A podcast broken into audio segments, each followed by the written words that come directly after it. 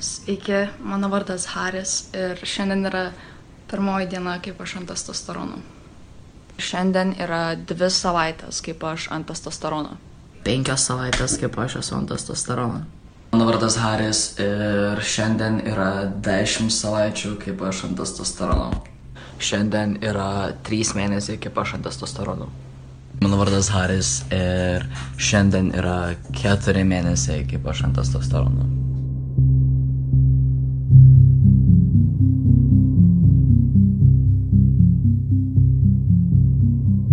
Labas visiems, čia Indrė Kiršaitė ir Karolis Višniauskas. Jūs klausotės Naro podcast'o.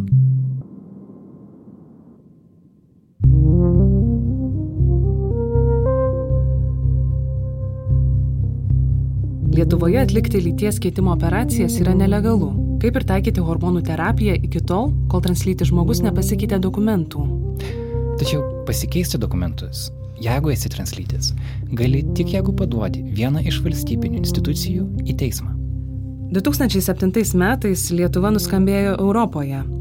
Tais metais translytis žmogus L padavė Lietuvą Europos žmogaus teisų teismą ir bylą laimėjo. Teismas įpareigojo gražinti užsienyje patirtas lyties keitimo išlaidas ir svarbiausia - keisti Lietuvos įstatymus, kurie užtikrintų translyčių teisės. Nuo šios bylos praėjo 14 metų, bet įstatymai vis dar nėra pakeisti. Dėl to pasidaryti lyties keitimo operaciją Lietuvos translyčiai žmonės vyksta į Niderlandus, Junktinę karalystę ar Švediją, į tas šalis, kuriuose tokia teisė yra užtikrinama. Šiandien kalbame su Hariu Ubertu, dvyliktokų iš Gargždų. Lyties keitimo procedūras jis pradėjo sulaukęs 18. Antroje dalyje išgirsite interviu su Hario mama Vaida Skuodienė. Mūsų žiniomis tai yra pirmas kartas Lietuvoje, kai vienas iš tėvų kalba apie savo vaiko lyties keitimą. Pokalbio metu aptarėme, kokią žalą tokia tyla sukuria. Gerą klausimą. Labas, Hari. Labą dieną. Kaip gyveni šiuo laikotarpiu? Sudėtingai, egzaminai. Manau, tas dalykas, kuris daugiausia streso šiuo metu sukelia, bet nepaisant to, tai manau, ganėtinai, ganėtinai gerai. Papasakok šiek tiek apie save. Ką šiuo metu veiki? Taip, tai yra 12 klasė šiuo metu, tai daugiau nieko atrodo gyvenime ir neegzistuoja iš tikrųjų dabar. Tai yra vien mokslai pasirašymai egzaminams, o anksčiau buvo sportas, bet būtent dėl egzaminų viską ir aišku, būtent dėl pačio translitiškumo teko viską mesti, nes vis tiek, na, na, nepritampi prie komandos ir vis tiek turi pasikeisti dokumentus, kad na, galėtum žaisti už komandą, kurią nori, tai šiuo metu liko vien, vien mokslai. Mhm. Ir ką planuoji veikti toliau?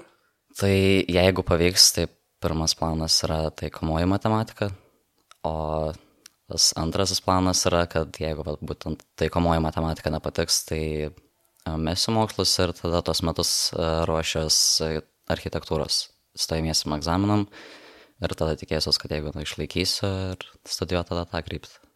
E, ruoždamasi pokalbiui tiesiog žiūrėjau įvairių tyrimų apskritai, kokiamis temomis yra apie translyčių žmonės yra padaryta ir kažkaip šiaip vis, vis, vis galvoju, kad taip, lytis yra labai svarbi tapatybės dalis, bet daug daugiau dalykų apibrėžia žmogų. Ir kažkaip atrodė, kad gal keista tik į tai, tarkim, koncentruotis, bet po to atradau tokį tyrimą, 2019 metų e, lygių galimybių kontrolieriaus tarnyba darė tą tyrimą ir ten buvo klausimas, ar žinote, kas yra translytis žmogus?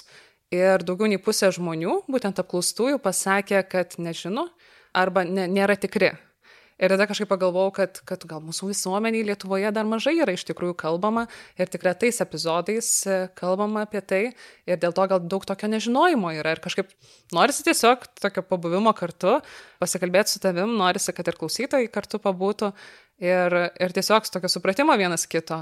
E, galbūt nežinau, galbūt ne, ne visi savo kasdienybėje susiduria su translyčiai žmonėmis. Tai norisi kažkaip priartinti tą pokalbį į kiekvieno, nežinau, ausį. Tai jo, tai pirmiausia, ar norėčiau paklausti, kada pradėjai jausti, kad esi um, ne savo kūne? Tai sakyčiau, kad nuo pat vaikystės jautėsi, kad yra kažkas ne taip. Tas buvo, atsimenu, dar mamai visą laiką sakydavo, būdamas mažas, kad, kad kažko man trūksta, kad kažkas nesueina būtent mano vidui. Tai ieškojau savęs tiek visose bureliuose, tai būdavo veiklos kažkokios, o atsidaviau mokslam ir vis tiek buvo tai, kad nu, kažkas kliudė viduje ir negalėjau supras, kas tai yra. Ir tada, sakyčiau, buvau gal maždaug aštuonerių metų. kada lankiau tuo metu va tos tokius berniukiškus sportus stereotipiškai vadinamus, tai buvo ir breikas, ir, ir futbolas, krepšinis. Ir tuo metu aš save laikiau berniuku. Tai buvo kažkur metai laiko, kai aš save laikiau berniuku.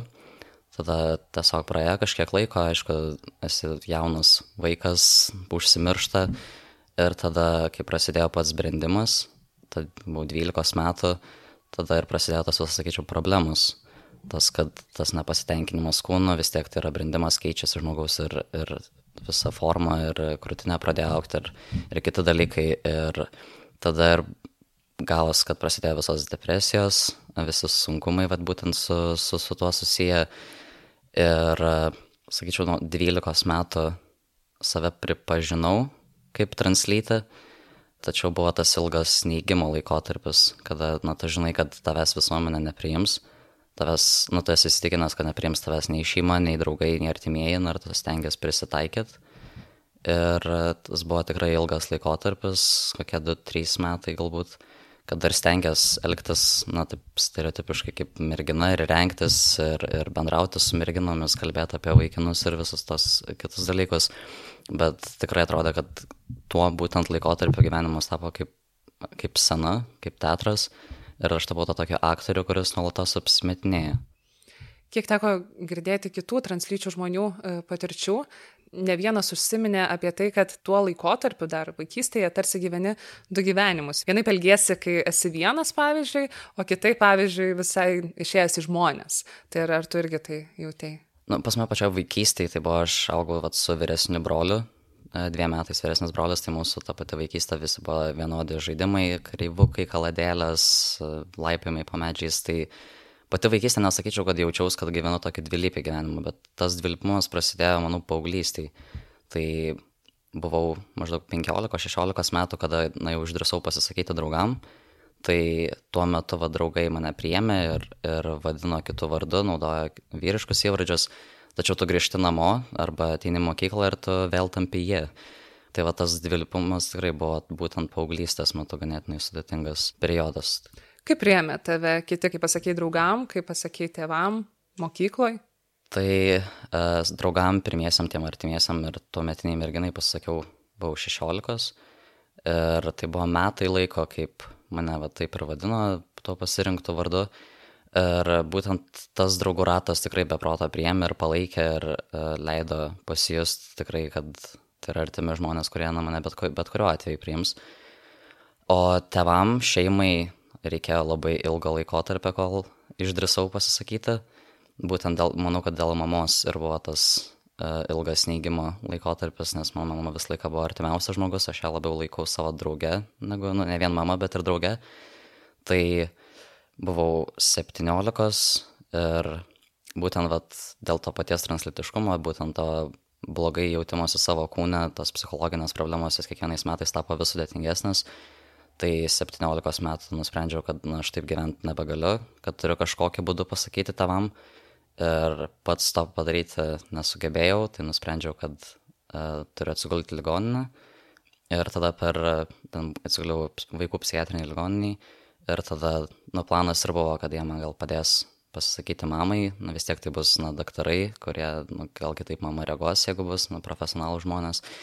Ir uh, tuo pačiu gauti būtent tą pačią translitiškumo diagnozę. Tai pati mama, sakyčiau, jinai žymiai sudėtingiau ir skaudžiau reagavo, kai sužinojo būtent dėl mano orientacijos. Buvau tuo metu 13-14 kažkur tame tarpe ir jinai sužinojo netyčia, uh, pamatė nuotraukas mano kompiuterį. Tai būtent dėl šito dalyko reagavo labai skaudžiai buvo ir aš buvau įsitikinęs, kad turėsiu išsikraustyti iš namų, kažk... nes aš tuo metu sporto akademijoje gyvenau Vilniui. Tai buvau įsitikinęs, kad namo grįžti nebegalėsiu, nes tikrai reagavo labai skaudžiai, buvo nusivylus, save kaltino.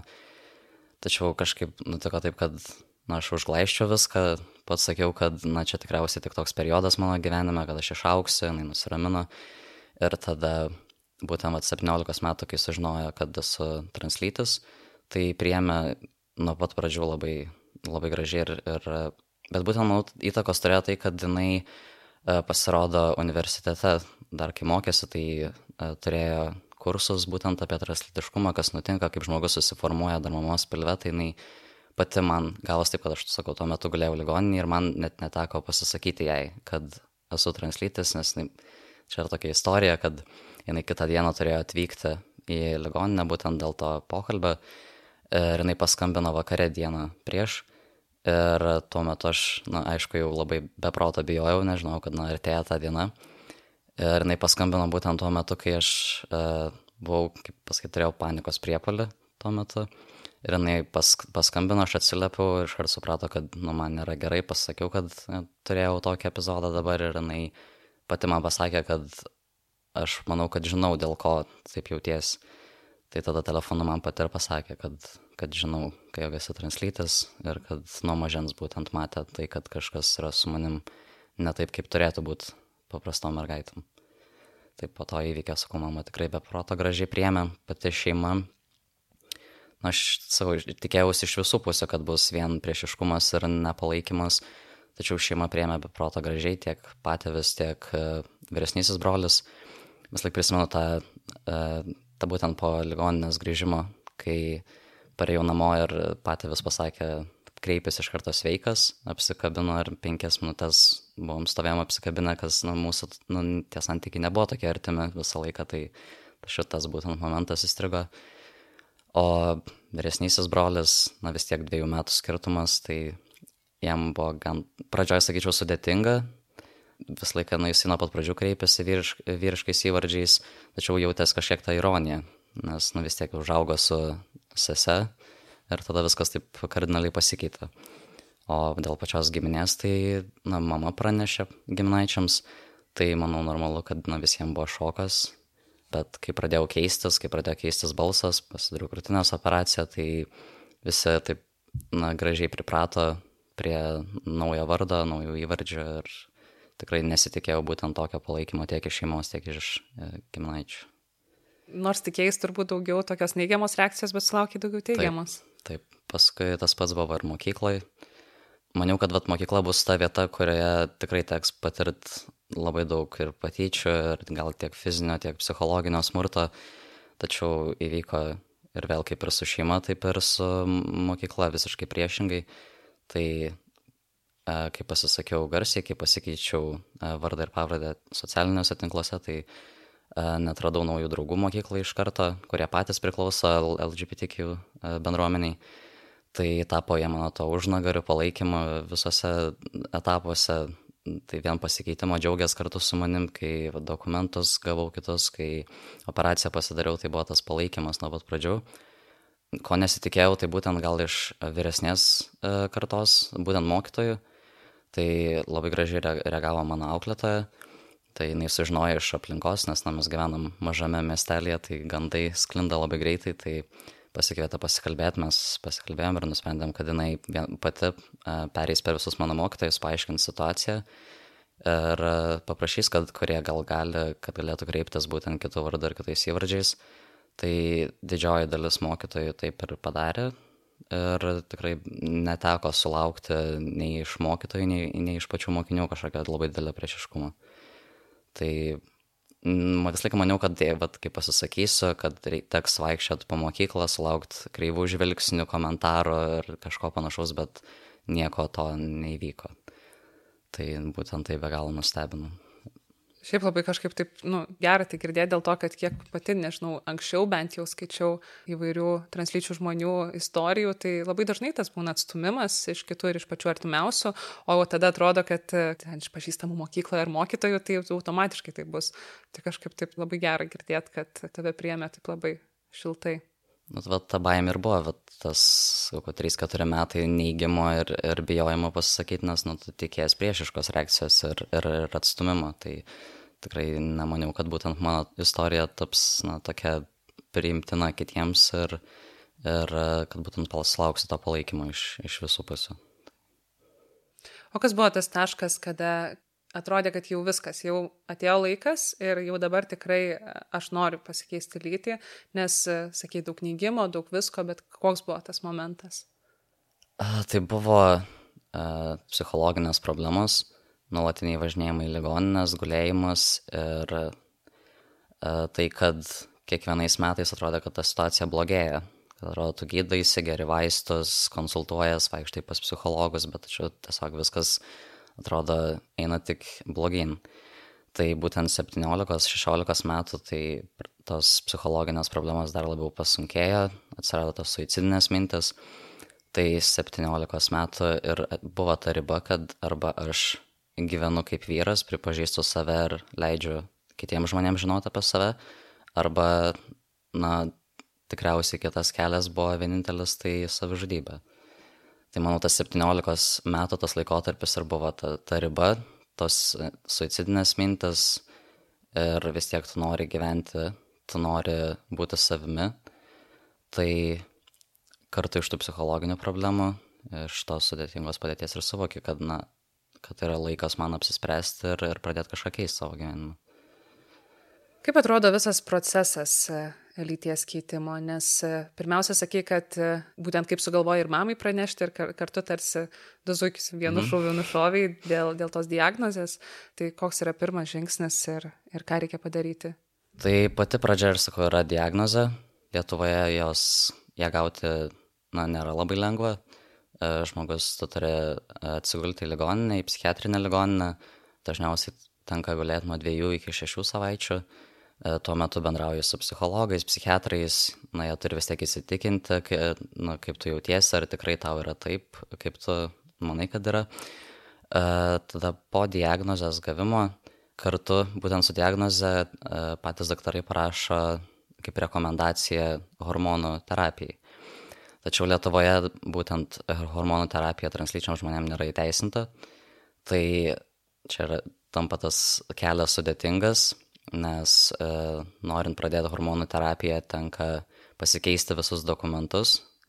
Ir tik tais tuo atveju daktarai gali tau juos išrašyti, kaip, na, kaip kad esi vyras, tačiau tavo organizme yra e, testosterono trūkumas. E, tai yra tik toks kelias, tačiau kaip ir kiekvieną situaciją gyvenime galima ją apeiti, tai hormonus aš pradėjau nelegaliai, gavau hormonus iš žmogaus ir tapau savo daktaras, pats e, leisdavaus tos hormonus, pats nusprendžiau, kas kiek laiko reikėtų leistis. Tai, na, čia buvo padaryta klaidų, teko ir, ir važiuoti ligoninę, žiūrėti sveikatą, nes, na, vis tiek tai yra dalykas, kurį turėtų skirti daktaras, ne, ne, ne, neturi savo pats vadovauti būtent e, šioje sferoje. Tai, e, kai žmogus pradeda hormonus, tada eina arba operacija, arba dokumentų keitimus. Tai aš pradėjau nuo krūtinės operacijos, kaip ir visa kita, kas yra susijęs su translytiškumu, tai yra nelegalu Lietuvoje. Tai žmogus tada turi nueiti na, užsirašyti į plastikos chirurgą, pas plastikos chirurgą ir e, ant popieriaus parašo, kad tai yra krūtinės mažinimo operacija, tačiau panaikina viską, tai daktaras beproto gražiai bendravo, priėmė aišku, tu turi turėti translytiškumo diagnozę, nes jie turi įsitikinti, kad na, tai nėra tavo šiuo metu kažkoks išsigalvojimas. Ką apskritai reiškia ta diagnozė, nes tai reiškia, kad translytiškumas Lietuvoje yra pripažįstamas kaip sutrikimas apskritai. A, taip, a, tai a, Lietuvoje yra taip, kad a, tai yra skaitoma kaip būklė, arba būklė, arba diagnozė, kas bet kuriam žmogui, kai pasakoja tą savo istoriją, kiekvienam yra jokinga, nes na, tu nesirgi tau nėra kažkas negerai, tiesiog na, tu nesijauti gerai savo kūne.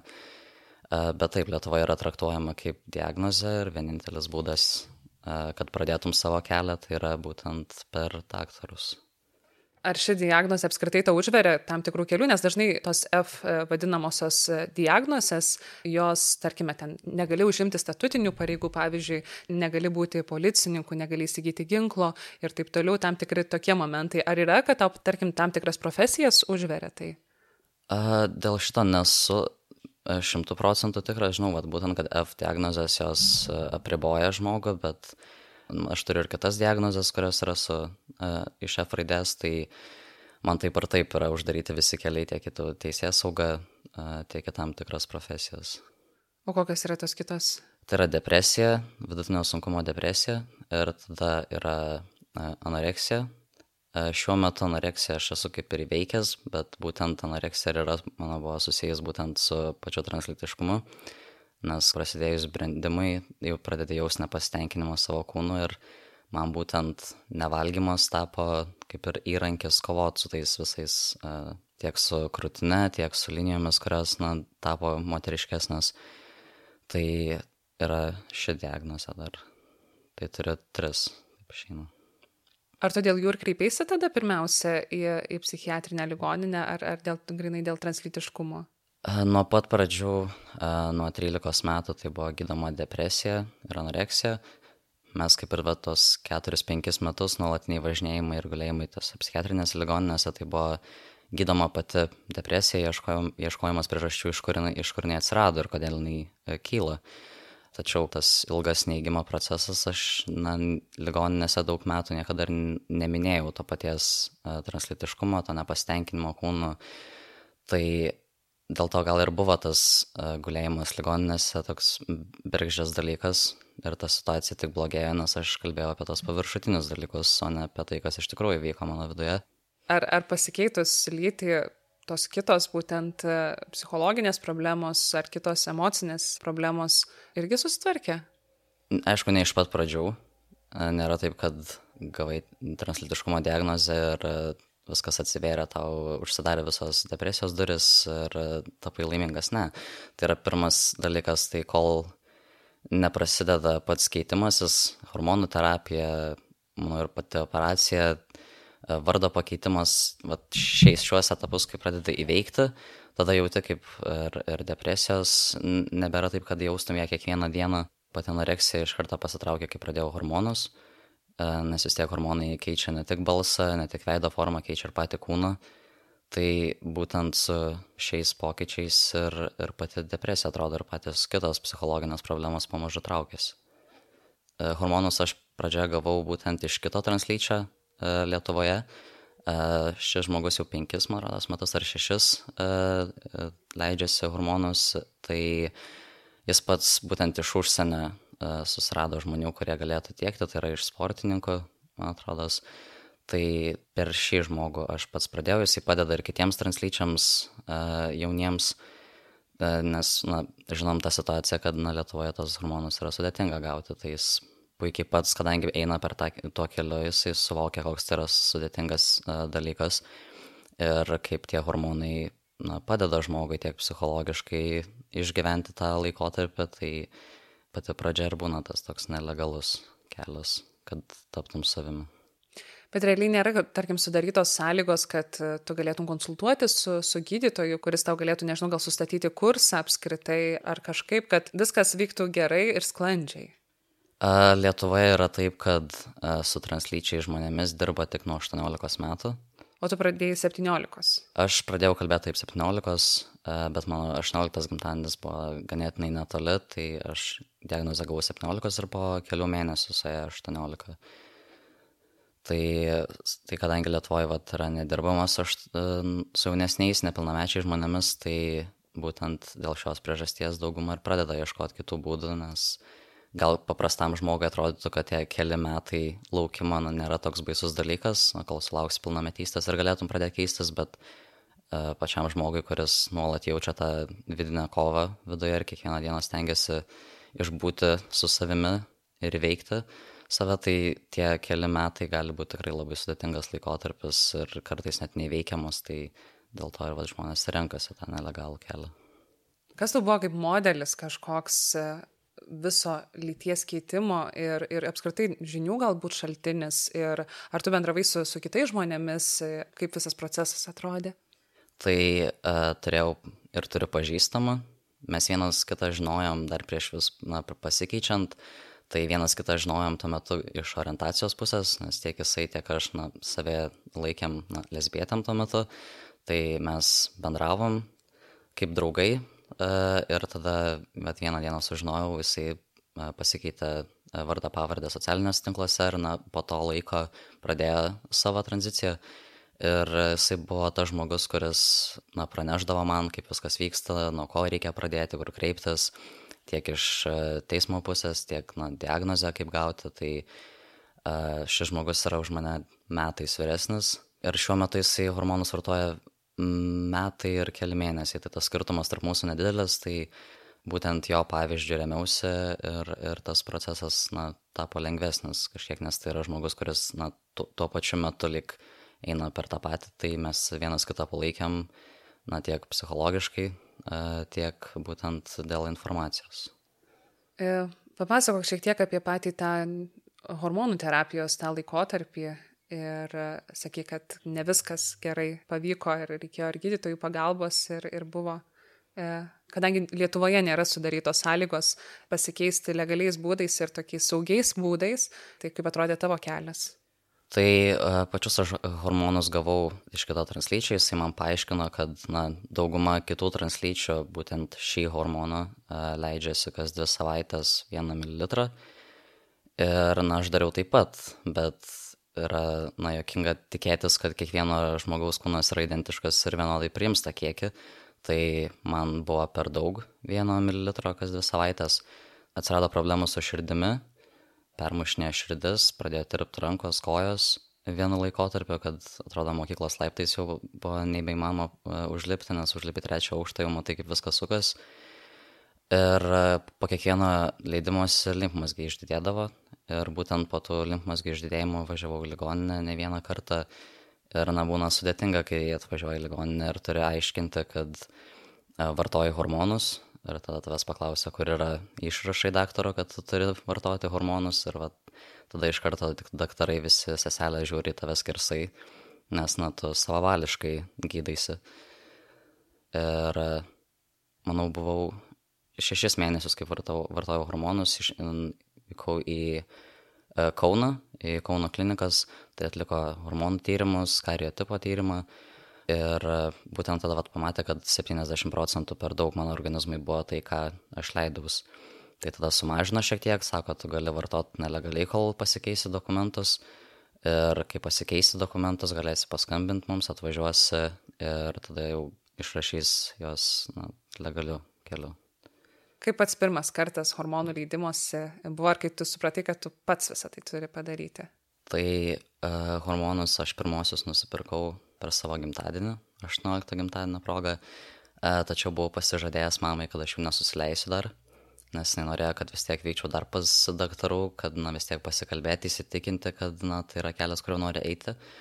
Tačiau vien tas jausmas ir tas žinojimas, kad tu turi hormonus ir tą daiktą, kuris tau gali padėti pasijust geriau, uh, Tai dvi savaitės iškentėjau ir tada po dviejų savaičių nuėjau pas mamą, sakyt, kad, na, ar supyktum, jeigu susileiščiau pirmą kartą. Tai, na, pradžioj nenorėjo sutikti, bet galiausiai sutiko, tai savo kambaryje tas pirmas susileidimas, pirmą tai buvo ta pati baime susileisti, nes niekada neteko to daryti. Ir Tai aš kiekvieną savo susileidimą aš filmuoju. Tai tas pirmasis įrašas, jisai užtruko gal net pusę valandos, vien žiūrėjimas į adatą ir, ir, ir bandymas, na, tas prisivers, kad, kad įsidurt. Uh, bet tas pirmas, tą pirmą momentą, kai jau išsitraukia adatą, kai žinai, kad tu susileidai uh, hormonus, tai, na, prisimenu, kad tai buvo euforija. Tas žinojimas, kad nuo dabar viskas bus geriau, kad baigsis, tikrai jaučiu, kad problemos, kurios mane slegia, kad pamažu, na, jos išnyks. Tai tą pirmą susileidimą, tai manau, aš prisiminsiu tikrai visą gyvenimą. Uh, hormonus translytas žmogus turi leistis visą gyvenimą, nes, na, nėra taip, kad tavo organizmas pradėtų gaminti jos kažkokį laikotarpį, na, nėra tam reikalingų organų tavo organizme. Tačiau kai kurie translyčiai po kažkiek metų, po dviejų, penkių, gal dar daugiau metų nusprendžia nebesleisti jų nes tie pokyčiai, kurie įvyko, jie na, nėra grįžtami, tavo balsas vis tiek jisai jau pasikeitė, tai dauguma nutraukia tiek dėl sveikatos visų dalykų, nes yra tikrai įrodyta, kad būtent pati hormonų terapija translyčiams, na, jinai nėra e, saugi, tai yra kelia ir visokių sveikatos problemų ir, ir įrodyta, kad ir gyvenimo trukmę trumpina, tai, tai kai kurie pasirenka jos vėliau nutraukti. 2018 metais Pasaulio sveikatos organizacija translytiškumą pašalino iš psichikos ir elgesio sutrikimų kategorijos. Dabar jis klasifikuojamas kaip būklė susijusi su seksualinė sveikata. Tačiau Lietuvoje translytiškumas vis dar įvardyjamas kaip lyties tapatumo sutrikimas. Jis apibrėžiamas psichikos ir elgesio sutrikimo kodu F64. Ši diagnozė translyčiam žmonėms apriboja teisę rinktis tam tikras profesijas.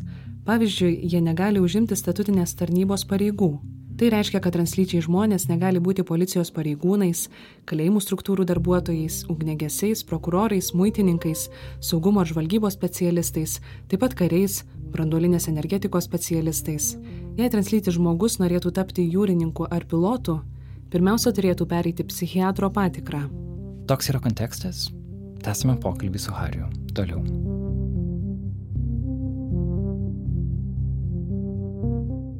Tu jau pasikeitei dokumentus. Taip. Prieš kiek laiko? Prieš du mėnesius. Prieš du mėnesius, manau. Mano situacija buvo gan, kad viskas praėjo labai greitai, tai truko keturis mėnesius. E, Kitiems trunka nuo pusės metų iki, iki metų. Kiek, kiek turiu draugų, pažįstamų translyčių, tai vienam draugui aštuoni mėnesiai užtruko pats procesas, e, kitam vienuolika. Tai e, sudėtingas reikalas yra būtent Lietuvoje su dokumentų keitimu. E, pirmas dalykas, tai tu pateiki prašymą Lietuvos metrikacijai, kad nori keisti e, vardą, pavardę ir lytį. Tačiau kadangi Lietuvoje tai yra nelegalu, tai nėra įteisinta, tai e, tavo prašymą metrikacija atmeta. Ir tada tu paduodi visą Lietuvos metrikaciją į teismą. Ir būtent vyksta procesai, vyksta teismo posėdžiai, turi pateikti savo, visą savo istoriją, kad hormonų terapija, aišku, tai tada ir krūtinės operacija, visi įrodymai ir tada tuo būdu yra įrodoma teisme, kad na, tu esi translytis ir tau tada yra suteikiama galimybė, kad tu galėtum pasikeisti tos dokumentus. Tai laimėjęs teismo procesą grįžti vėl į metrikaciją ir tada jie sutinka pakeisti vardą, pavardę ir, ir lytį.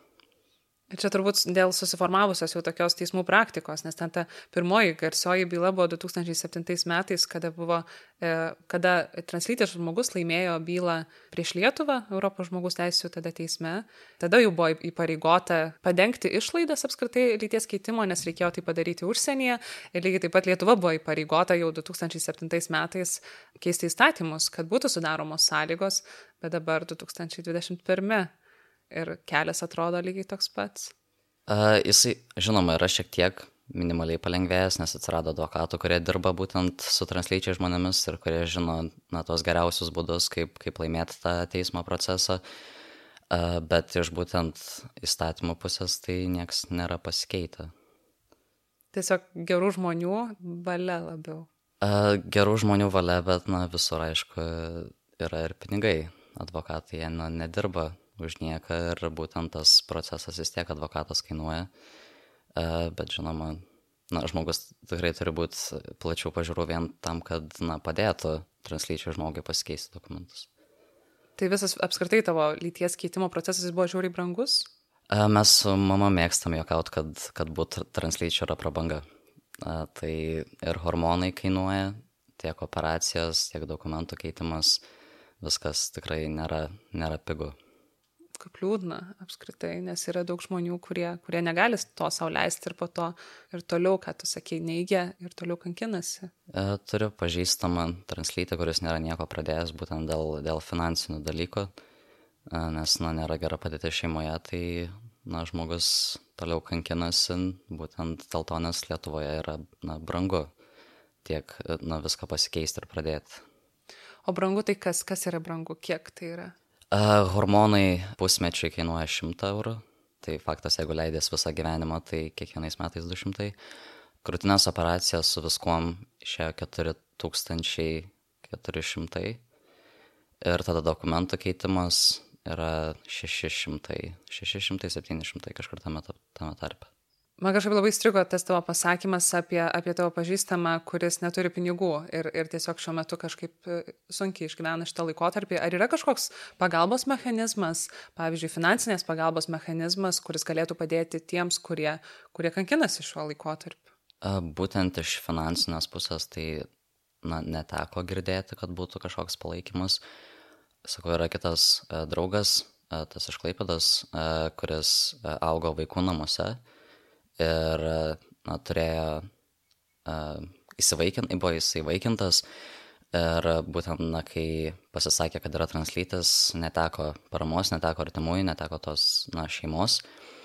Uh, bet, na, jam finansiniai uh, būklė buvo, na, gal kažkiek palankesnė negu tam kitam draugui, vien dėl to, kad jisai, na, kaip našlaitis uh, gavo paramą iš, iš valstybės. Bet kad būtų kažkoks palaikymas translyčiam, kurie, vat, neturi tų visų sąlygų, tai, na, neteko, neteko girdėti. Mhm. Kiek laiko jau e, leidėsi hormonus? A, šis mėnuo yra dešimtas. Dešimt mėnesių. Pradėjau prieitą vasarą, praėjus savaitį po mano 18 gimtadienio.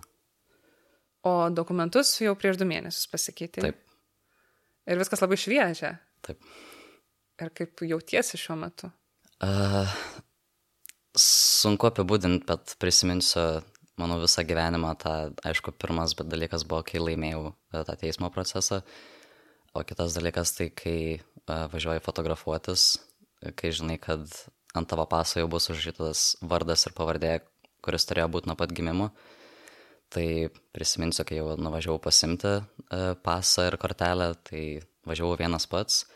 Tai turėjau momentą mašinai, kada sėdėjau ir tiesiog žiūrėjau, buvo ir ašarų ir visko.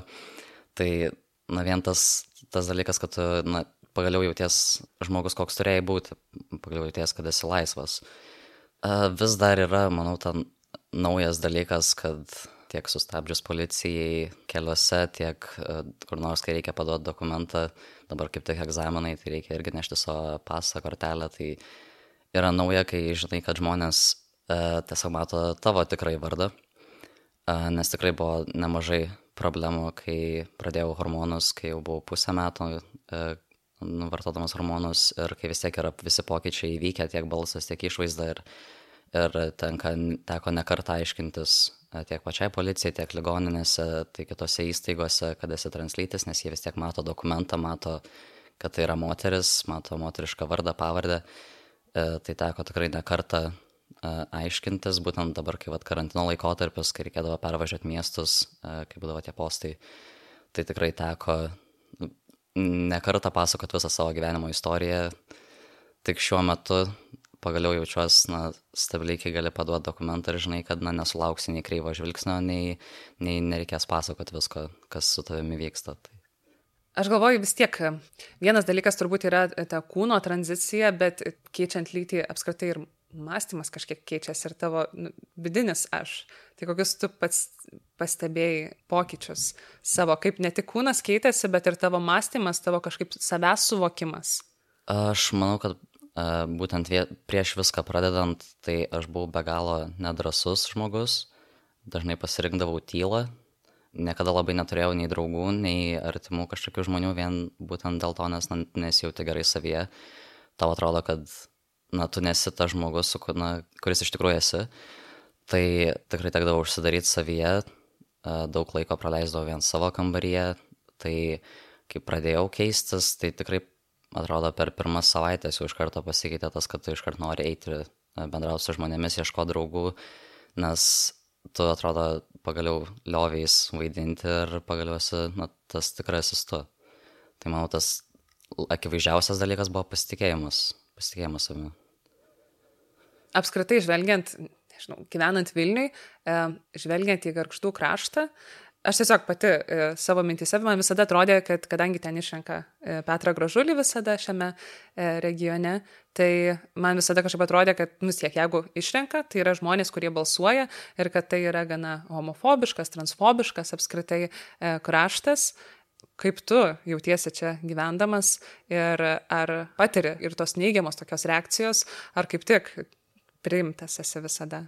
Uh, tai vienas iš būtent tų neigiamų ir buvo žinojimas, kad tu gyveni tokiame mieste, kur, at, kaip ir minėjote, yra išrenkami tokie politikai.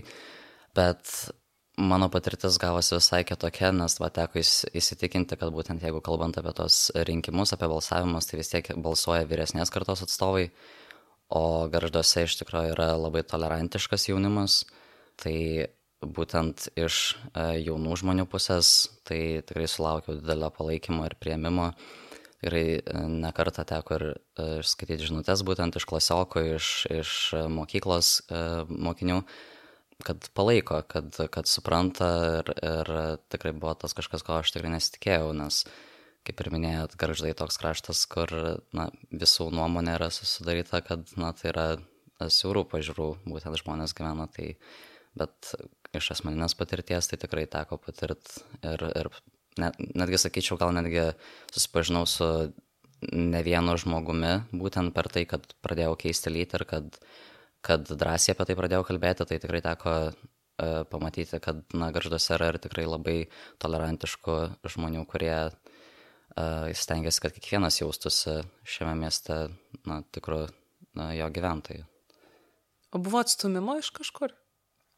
Atstumimas, taip, tai yra, aišku, mokykla, kaip ir minėjau, tai kad tikrai buvo didelis palaikymas, bet ir, manau, kaip ir kiekvienoje kitoje įstaigoje, kaip ir kiekvienoje kitoje gyvenimo situacijoje yra žmonių, kurie, na, bus priešiški. Tai mokykloje buvo keletą tokių situacijų, tai, kad, na, buvo komentarai pagrindę. Kokie?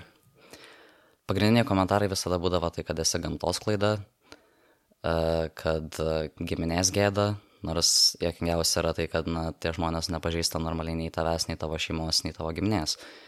Ir, ir nežino, kad tave, būtent tavo artimieji tave priema. Tai, tai dažniausiai būdavo tokie komentarai arba vardo iškraipimas. Mano būtent to moteriško vardo pavertimas vyrišką formą arba dabartinio uh, vardo iškraipimas moterišką.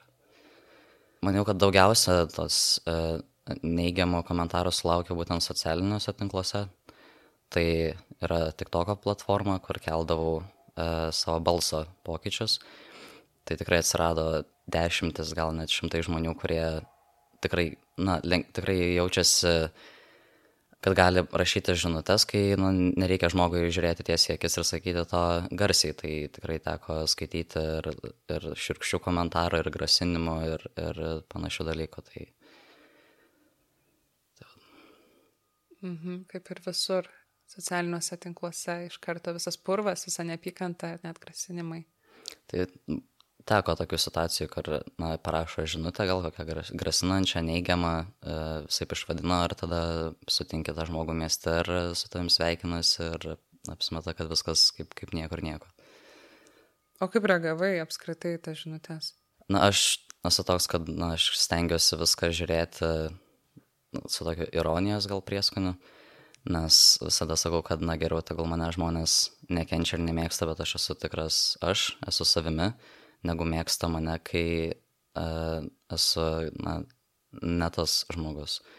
Tai tie neigiami komentarai, tos žinutės, tai būdavo, na, proga pasijuokti. Aišku, tai yra, tam reikėjo laiko, kad tu išmoktum ne, neprimti kiekvieno žodžio į širdį, ir, uh, bet šiuo metu tai arba tokias žinutės ir komentarus ignoruoji, arba kartais užeina noras atrašyti ir, na, viskas vyksta juoko forma, nes, na, ką daugiau gali na, padaryti, žmogaus nuomonės nepakeisi. Arba, arba tai yra ilgas labai procesas, kol žmogus pakeičia savo nuomonę, tai dažniausiai būna na, tas toks, na, pajoka labiau. O buvo žmonių, kurie pakeitė nuomonę? Buvo.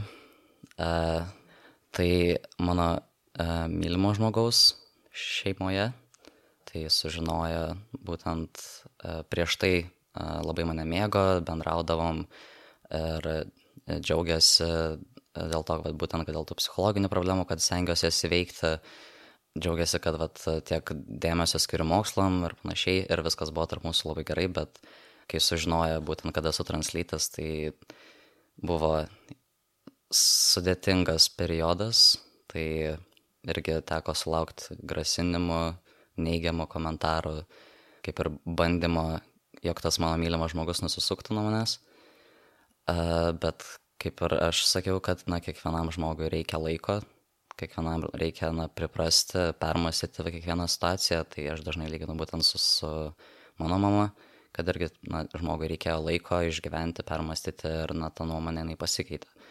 Tai ta pati situacija vyko ir su būtent šiuo žmogumi. Tai dabar esam beproto artimi, kiekvieną dieną susitinkam, kalbamės ir lyg niekur nieko. Tai. Dabar atrodo taip paprastai apie tai kalbė, bet turbūt, turbūt skauda tuo laikotarpiu, kada tai vyksta. tuo metu buvo labai skaudu, nes iš karto yra baime, kad gal tas tavo mylimas žmogus jisai na, tikės savo artimu žmogumi ir nuo tavęs nusisuks. Tai na, tas, tas periodas buvo sudėtingas, e, aišku, mano psichologiniai būkliai iš karto kirto, užsidariau savyje vėl, e, tas pasitikėjimas savimi viskas e, smuko krito ir, ir na, tikrai buvo sunku išgyventi, kai atrodo, na vis tiek tavo mylimo žmogaus artimieji, ir tu tikės, kad tave priims, kad palaikys tiek tave, tiek jūs abu, tai buvo na, sudėtinga tikrai.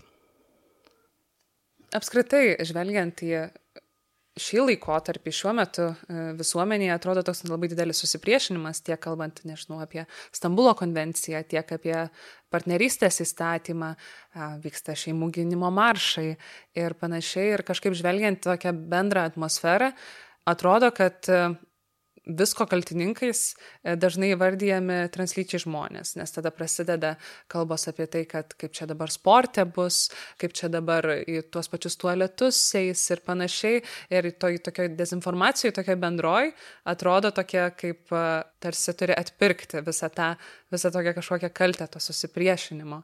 Kaip tu matai visą šitą situaciją ir ar jautiesi saugiai apskritai, matydamas tokias diskusijas? Na, saugumo jausmo tikrai nėra. Būtent, na, yra sunku matyti, kai didžioji dalis visuomenės palaiko būtent tos priešiškus, e, kas yra prieš partnerystės įstatymą.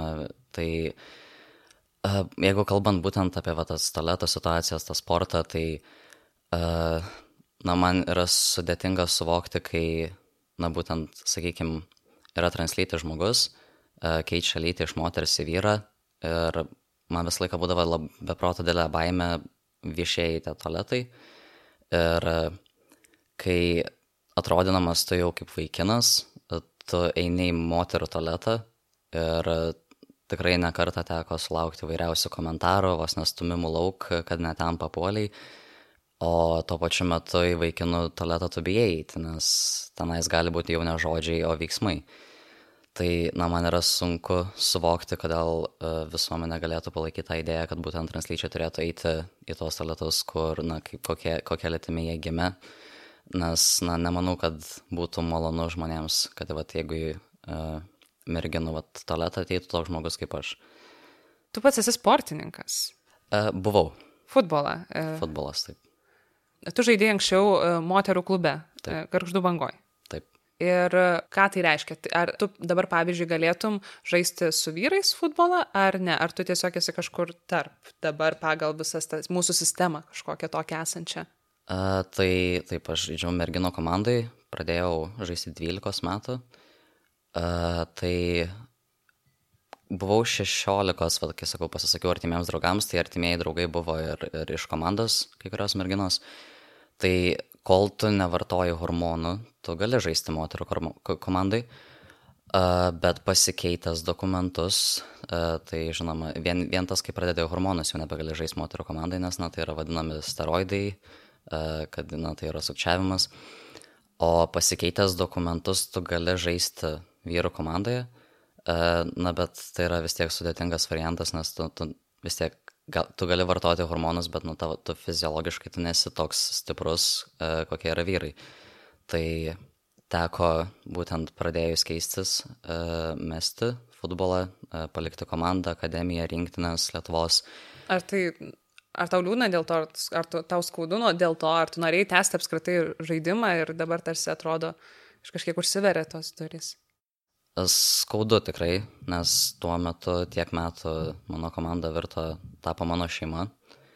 Ir vien tas na, suvokimas, kad dėl to, jog keiti lytį, na, tai užsidaro tos duris to na, komandai ir turi palikti. Tai na, šiuo metu aš vis tiek stengiuosi važiuoti ir žiūrėti kiekvienas jų varžybas, palaikyti bent jau, nes na, vienintelis dalykas, ką galiu padaryti šiuo metu, tai palaikyti jas. Tai, na, skaudu tai tikrai yra O dėl paties sporto, tai aišku, tas kelias buvo ilgas, jo yra gaila, nes na, vis tiek teko ir akademijoje sportuoti, Vilniuje gyventi, teko ir, už, ir rinktinėse e, žaisti, tai atrodo tiek daug laiko praleista aikštėje, tiek laiko ir tiek darbo įdėta ir, ir viskas e, turi nutrūkti vien dėl to, nes na, tu nori būti savimi.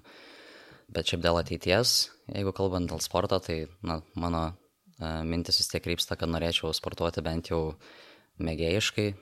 Tai pradėjus studijuoti, susirasti vat, Vilniui gal kokią komandą vyrų ir, ir na bent kažkiek mėgautis tuo žaidimu, kurį mėgau tiek metų minėjai, kad e, daug palaikymo mokyklos sulaukiai.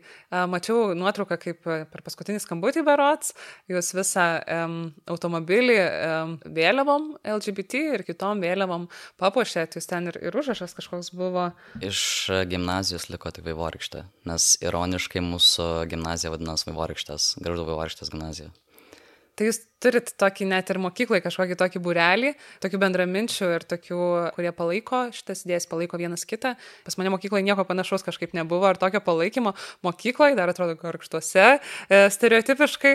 Ir kažkaip ir per paskutinį skambutį kažkaip labai tokia pradžiuginanti nuotrauka e, buvo. Tai jūs turit kažkokią bendruomenę net mokykloje?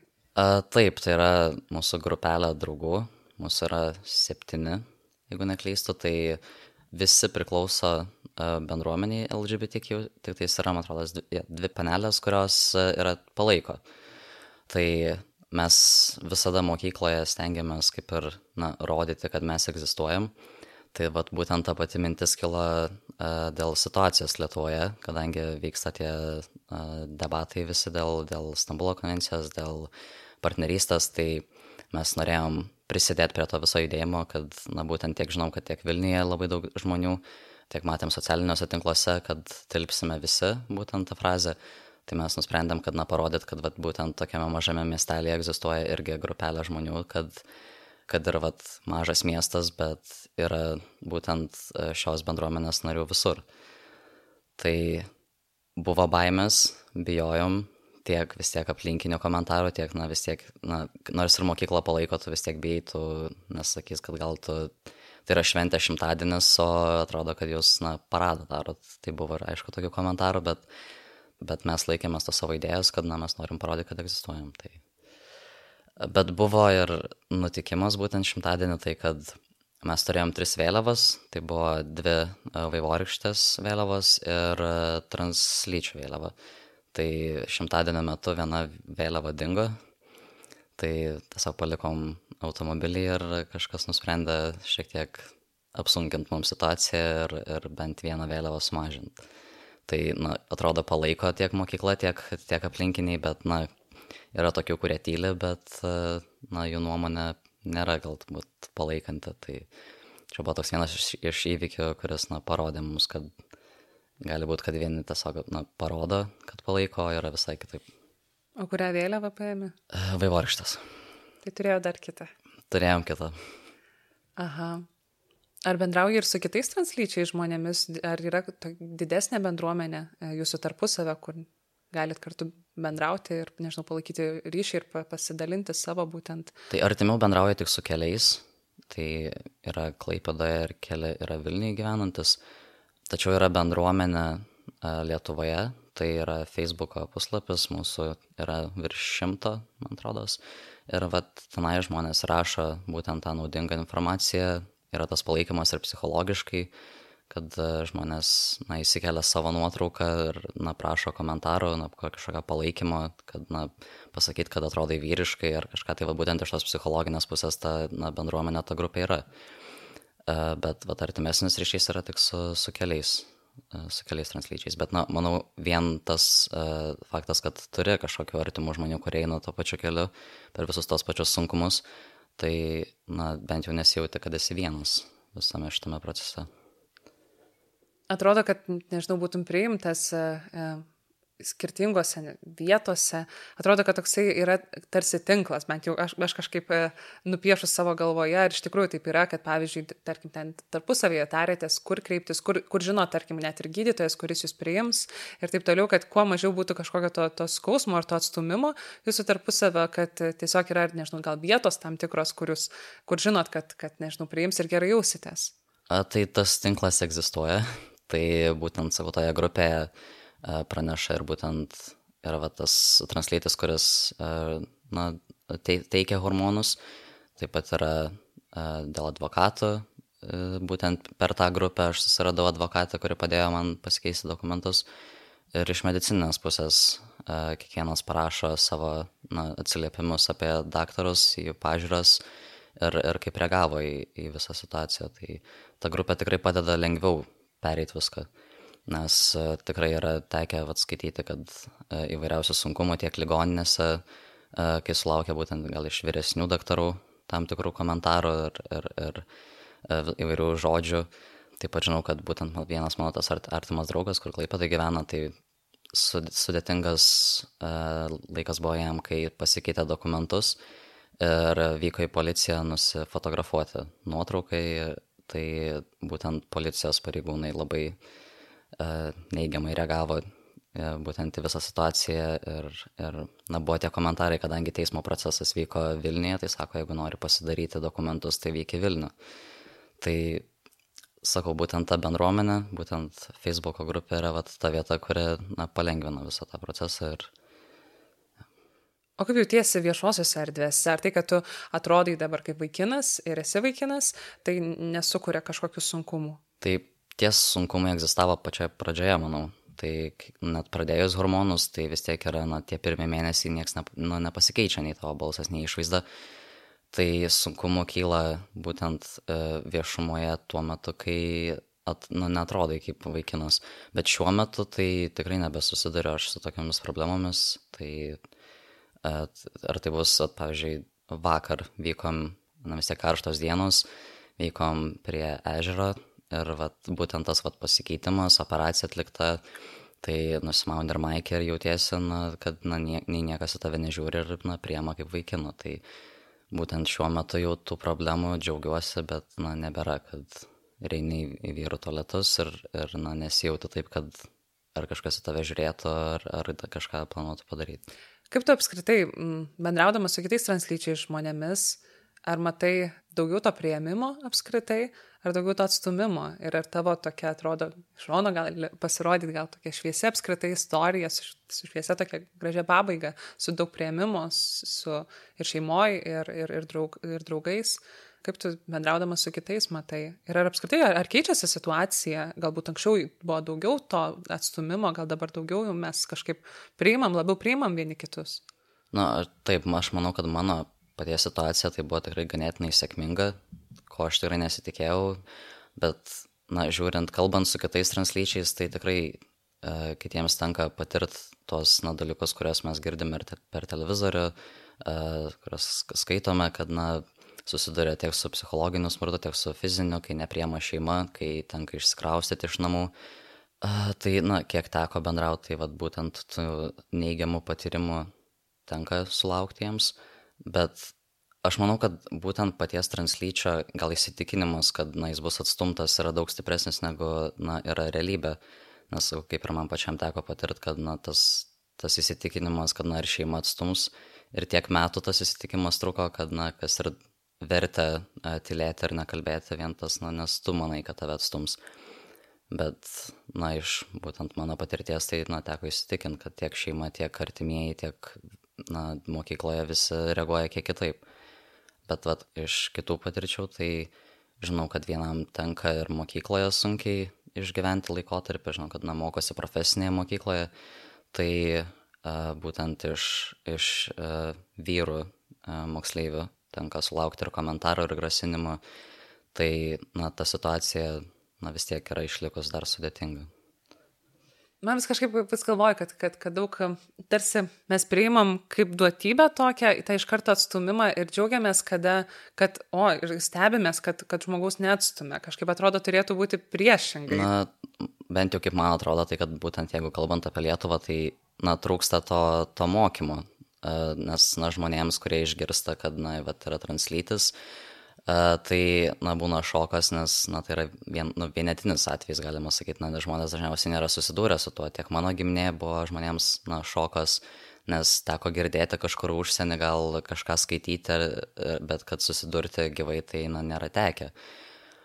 Bet, na, kad keisti tą situaciją, tai, na, man yra įdomu, kai dažnai žmonės uh, sako, kad, na, tu būk translytis, uh, būk gal gėjus, lesbietė, bet tu nesiviešink.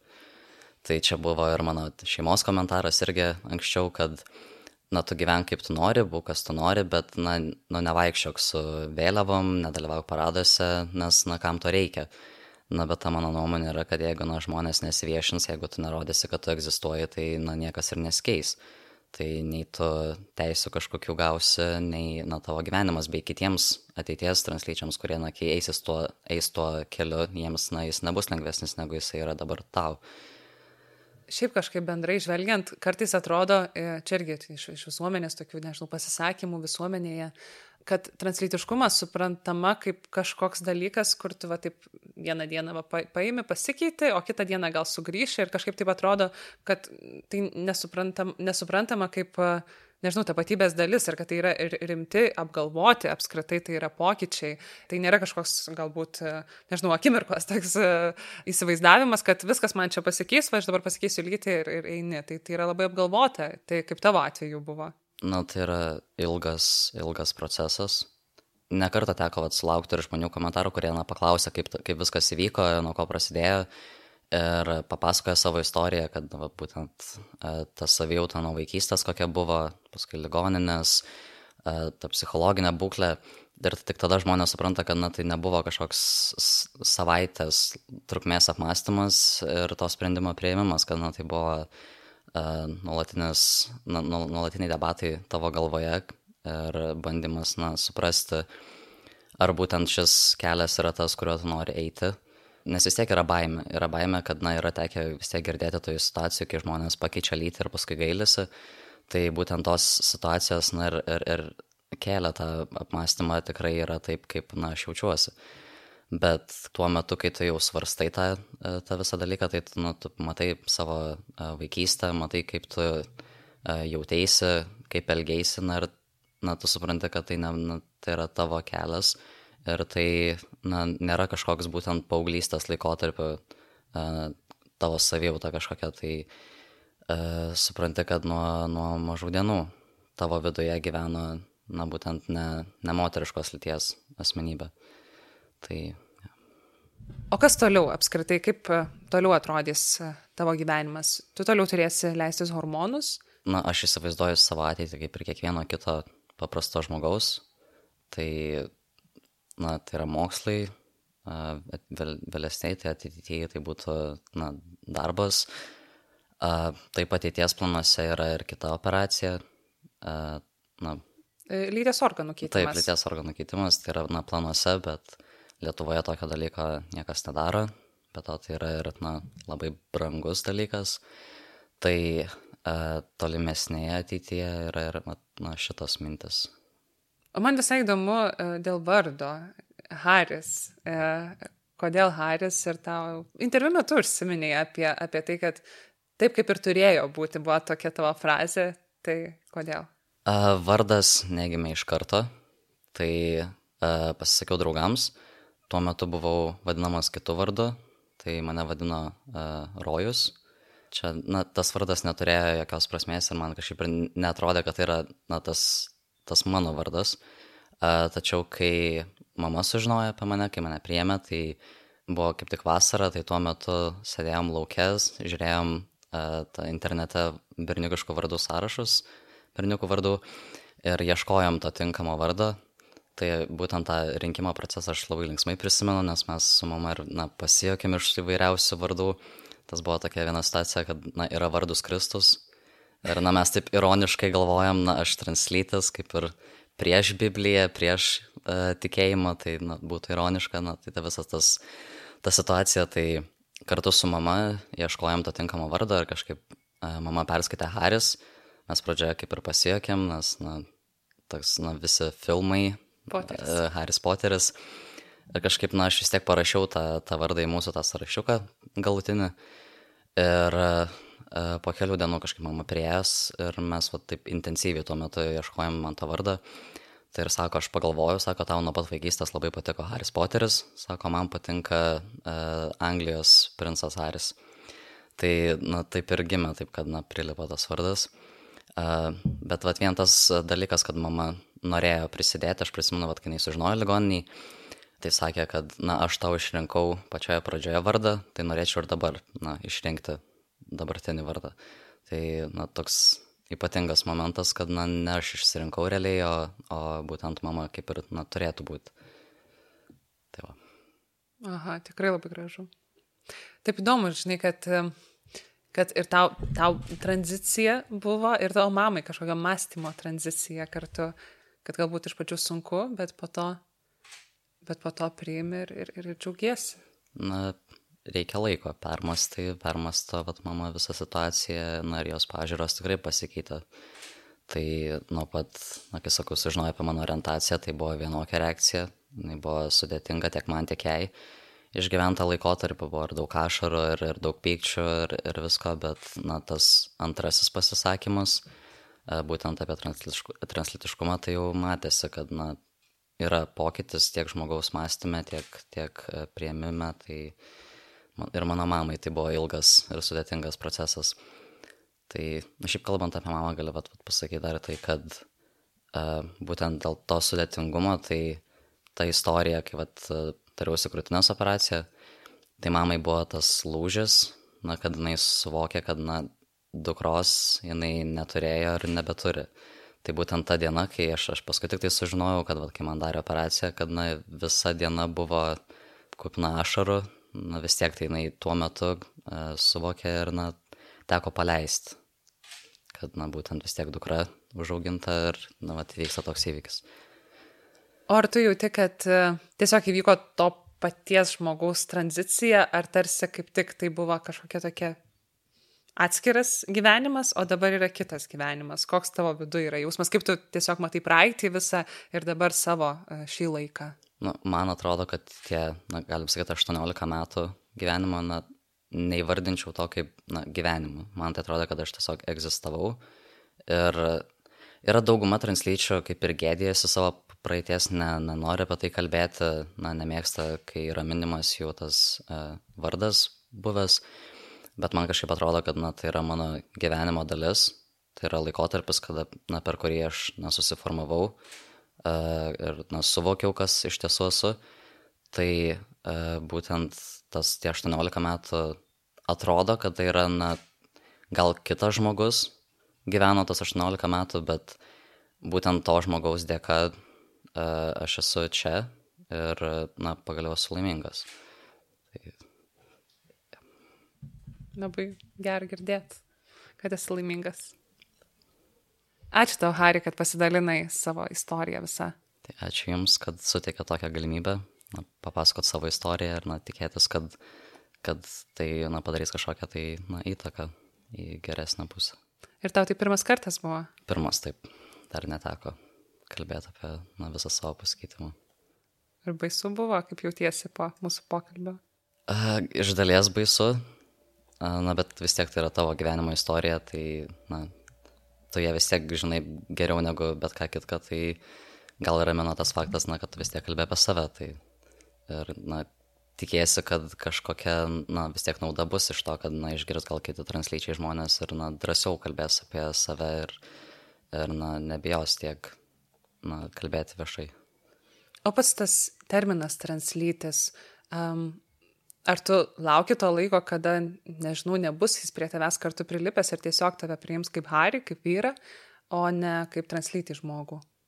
Na, nėra taip, kad man būtent tas žodis, na, keltų kažkokias neigiamas asociacijas, uh, bet tikrai yra tas, na, lauki to laikotarpio, kada, na, būsi tiesiog tu, būsi uh, be jokio priekio žodžio. Uh, Ir, na, kai žmonėms nebebus gal svarbu tas visas na, kelias, kurį tu praėjai, bet bus svarbiau tai, kad, na, koks tu esi žmogus dabar, gal tavo asmenybė, uh, tavo veikla, tavo darbai, kažkas tokio, tai to laiko tikrai laukiu, bet kaip ir minėjau, nėra taip, kad, kad būtent tas translitiškumas, tas pats žodis skambėtų kaip koks veiksmažodis ar kažkas panašaus. Tai...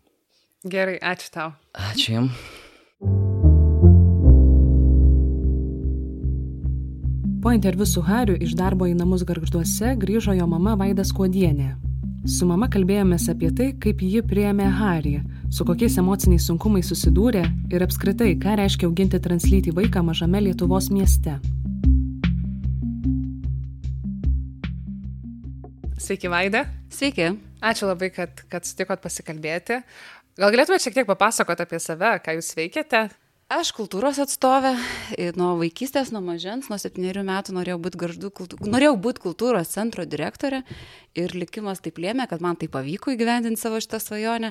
Na, o, visas mano gyvenimas visada siejasi tik su kultūra, kad ir teko daugybę mokslų paragauti vairius ryčių ir logistikos, ir socialinio darbo, ir edukologijos, ir, ir švietimo vadybos, bet vis dėlto kultūra yra mano gyvenimo kelias, todėl aš einu juo, mėgaudamasi, manau, kad džiugindama ir šalia esančius žmonės. Ir kaip šiandien, pavyzdžiui, jūsų darbo diena atrodo, kaip jūsų darbas atrodo? Įtempta. Pos, buvo trys posėdžiai, nesibaigiantis, galo nėra ir taip kiekvieną dieną. Aišku, šalia to malonaus kultūrinio gyvenimo, nuolatiniai dokumentacijos tvarkymai, projektų įgyvendinimai ir visa kita. Mhm. Lietuvoje mažai kalbama apie translyčių žmonės apskritai, bet man atrodo iš viso, ja, iš tikrųjų, aš nesu mačiusi Lietuvoje interviu su translyčio žmogaus tėvais. Ir čia, man atrodo, iš viso dar viena netverta tema, dėl to, kad jau po truputį tarsi matome interviu su, su tarkime, gėjų, lesbiečių tėvais. Neseniai mačiau, pavyzdžiui, laidas spalvos išleido pasakojimą ir pokalbius su jais, bet e, atrodo, translyčių e, vaikų tėvai iš viso neišgirsti ir, ir kuo jie gyvena ir kaip įvyksta visas procesas ir nežinau, kaip keičiasi mąstymas galbūt. Tai apie tai iš viso atrodo nekalbama. Um, kada jūs pastebėjote, kad, kad Haris nesijaučia gerai savo kūne? Kad jūs pasibelsit į mūsų duris, aš įtariau ir galvojau, kad tai bus, nes iš tiesų ta problema yra Lietuvoje akivaizdi, kad tėvai nekalba. Ir aš taip tiesiog ir Hariui sakiau, skau, man atrodo, kad vieną dieną mes tikrai sulauksim skambučio, kad su noru, kad papasakotumėm savo istoriją, nes jinai yra tokia, kurią tikrai reikia pasakoti, nes iš tiesų per tą nekalbėjimą mes šitiem žmonėm geriau nepadarom situacija yra tokia, kad manau, kad visi tėvai pastebi savo vaiką, augant, jam brestant ir raidos visais etapais, kad kažkas to vaikų yra ne taip, kaip mes įpratę visuomeniai matyti ir galvoti. Kad Haris augo, kai buvo dar skaitę mergaitę, tai iš tiesų buvo be galo valdingas vaikas, kryptingai einantis per gyvenimą veikiantis visiškai ne tokias veiklas, kurias atlieka mergaitės, tarkim, breiko šokimas, e, futbolo žaidimas eilę metų, draugai, draugių praktiškai nelabai ir turėjo, vaikinai buvo draugai ir su jais pastebėjau, kad daug geriau jaučiasi negu su merginom.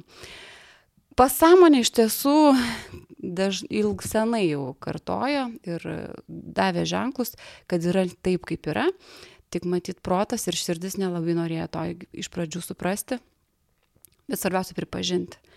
O kad vaikui yra negerai, pastebėjau, kad jau tikrai negerai darosi, buvo gal kokių 12 metų, kai pastebėjau, kad kažkas darosi su žmogumi.